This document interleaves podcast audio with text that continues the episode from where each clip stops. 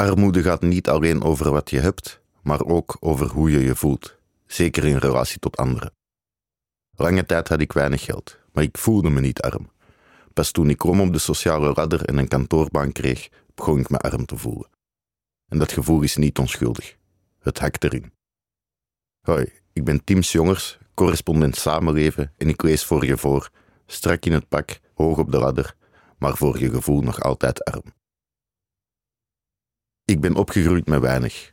Waarschijnlijk heb ik daarom nooit veel waarde gehecht aan spullen. Lang had ik geen televisie.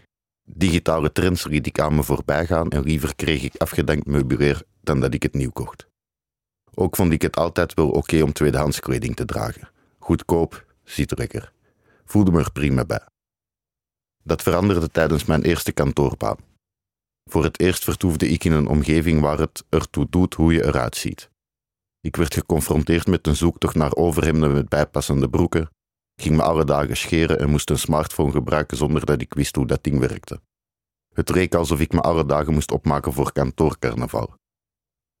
Het had iets paradoxaals. Hoe hoger ik destijds op de maatschappelijke ladder klom, hoe lager de treden waar ik voor mijn gevoel op bleef staan. En dat gevoel is minder onschuldig dan het lijkt. We zijn gewend de samenleving in te delen op basis van tredes op de maatschappelijke ladder. Hoe hoog je op de ladder staat hangt af van je sociaal-economische status, opleidingsniveau, inkomen en positie op de arbeidsmarkt. Die dingen kun je relatief simpel meten. En meten is weten, uiteraard. Jarenlang bungelde ik onderaan. Ik was niet hoog opgeleid en werkte lange dagen in de horeca, voor niet zoveel geld. Maar ik voelde me toen niet arm. Niemand om me heen gaf om uiterlijk vertoon. Iedereen droeg afstandse kleding. Voor zover er mobieltjes gebruikt werden, waren het ouderwetse modellen. Afdankertjes die in dank werden aangenomen. Het was herkenning alom.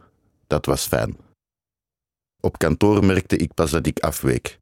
En welke moeite het me kostte om me aan te passen. Er werd daarover duidelijk meer waarde gehecht aan de buitenkant. Het werd een permanente confrontatie met mezelf. Stijgen op de maatschappelijke ladder bracht zo'n verandertraject met zich mee. Ik moest me aanpassen aan nieuwe normen, nieuwe waarden, nieuwe denkbeelden, nieuwe gewoontes en nieuwe spullen. Een strak in het pak zoektocht naar wie ik ben en naar wie ik zou moeten zijn. Dat bezorgde me stress en onzekerheid. Het gaf me het gevoel dat ik de mindere was. Het onwetende en anders uitziende groentje, dat ongemakkelijk op zijn nieuwe treden zat. En die treden resoneerde niet met mijn gevoel. Oftewel, mijn objectieve sociale status en mijn subjectieve sociale klasse lagen ver uit elkaar. Mensen typeren zich in relatie tot anderen, stelde Leon Festinger, een Amerikaanse sociaal psycholoog en grondlegger van de sociale vergelijkingstheorie. Logisch raakt me. Alleen op de wereld ben je arm nog rijk. En dan loop je naakt rond, niemand die het ziet. Of in mijn geval, in een wereld zonder smartphonegebruikers valt het niet op dat jij geen smartphone hebt. De klasse die niet wordt bepaald door opleidingsniveau, inkomen en positie op de arbeidsmarkt, maar die we voor onszelf bepalen in relatie tot anderen, onze subjectieve sociale status, kan je ook meten. Daarvoor gebruiken we de zogenoemde MacArthur Scale of Subjective Social Status. De MacArthur-schaal is niets meer of minder dan nog een ladder met tien tredes. Men krijgt eerst te horen of te lezen welke tredes op de ladder weergeven waar mensen in de samenleving staan. Dat is het objectieve deel, dat we kennen van de sociaal-economische status. Maar dan wordt je gevraagd: op welke treden denk je dit moment in het leven te staan in vergelijking met anderen? Het gaat MacArthur dus om zelfrapportage.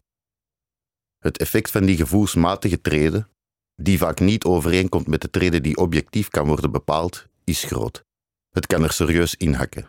Eerder schreef ik dat arm zijn je ziek maakt, maar ook je arm voelen maakt ziek.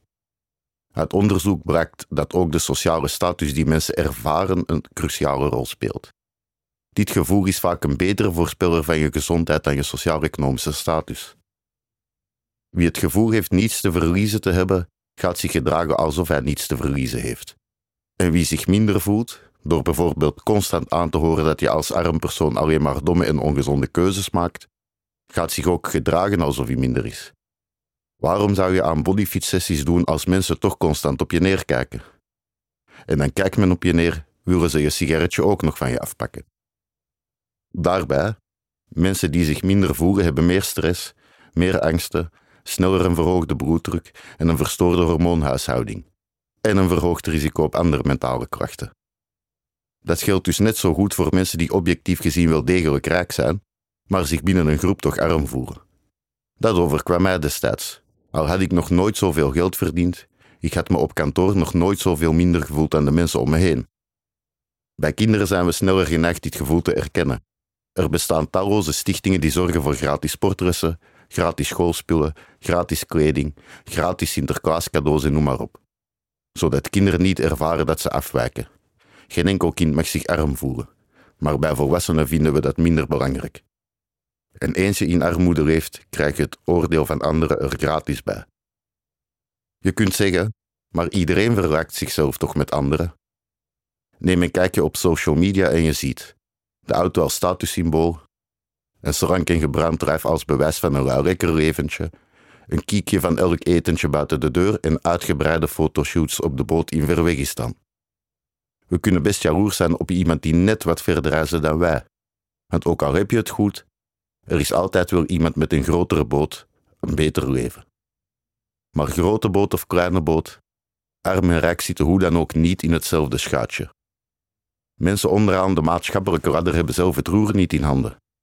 Ze kunnen dus wel vergelijken, maar dat leven van de ander is voor hen verrekte moeilijk te bereiken, zo niet onmogelijk. Als je in armoede leeft, ben je voor eten afhankelijk van de voedselbank of bonusproducten. Je kunt ook geen cursus persoonlijke ontwikkeling betalen, als je er altijd voor hebt. En het is veel moeilijker om onderdeel te worden van een groep. Zonder geld geen hockeyclub of sportschool. Oftewel, iemand met geld kan over zichzelf beschikken. Als die situatie, of het gevoel daarover, niet bevalt, doet diegene er wat aan. De afhankelijkheid van anderen is veel minder groot dan bij mensen die in armoede leven. En als je je afhankelijk voelt, dreigt ook het gevoel dat je minder bent dan de ander. Armoedebeleid zal dus niet alleen over je bankrekening moeten gaan, maar ook over subjectieve sociale status. Niet enkel over wat je hebt, maar ook over hoe je je voelt. Of zoals het Sociaal en Cultureel Planbureau het onlangs nog uitdrukte. In onze postindustriële klassenstructuur is enkel aan de economische knoppen draaien niet langer voldoende.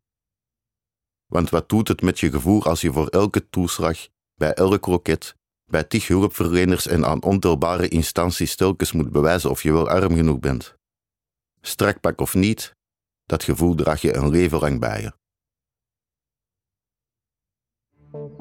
Het is de missie van de correspondent om voorbij de waan van de dag te gaan. Onze correspondenten voorzien het nieuws van context en schrijven over de grote thema's van deze tijd. De correspondent geeft me de vrijheid om mijn nieuwsgierigheid te volgen en de tijd om verhalen te schrijven. En zo probeer ik onzichtbare structuren zichtbaar te maken en een andere kijk te bieden op debatten die het nieuws domineren. Dan gaat het minder over het spelletje en veel meer over wat er op het spel staat. Vanaf dag 1 zijn onze artikelen, boeken en podcasts gefinancierd door onze leden. Volg ons op onze journalistieke zoektocht. Overweeg eens lid te worden van de correspondent. En maak daarmee samen met ruim 70.000 anderen onze onafhankelijke journalistiek mogelijk. Dus word lid van de correspondent. Ja. Word lid. Word lid.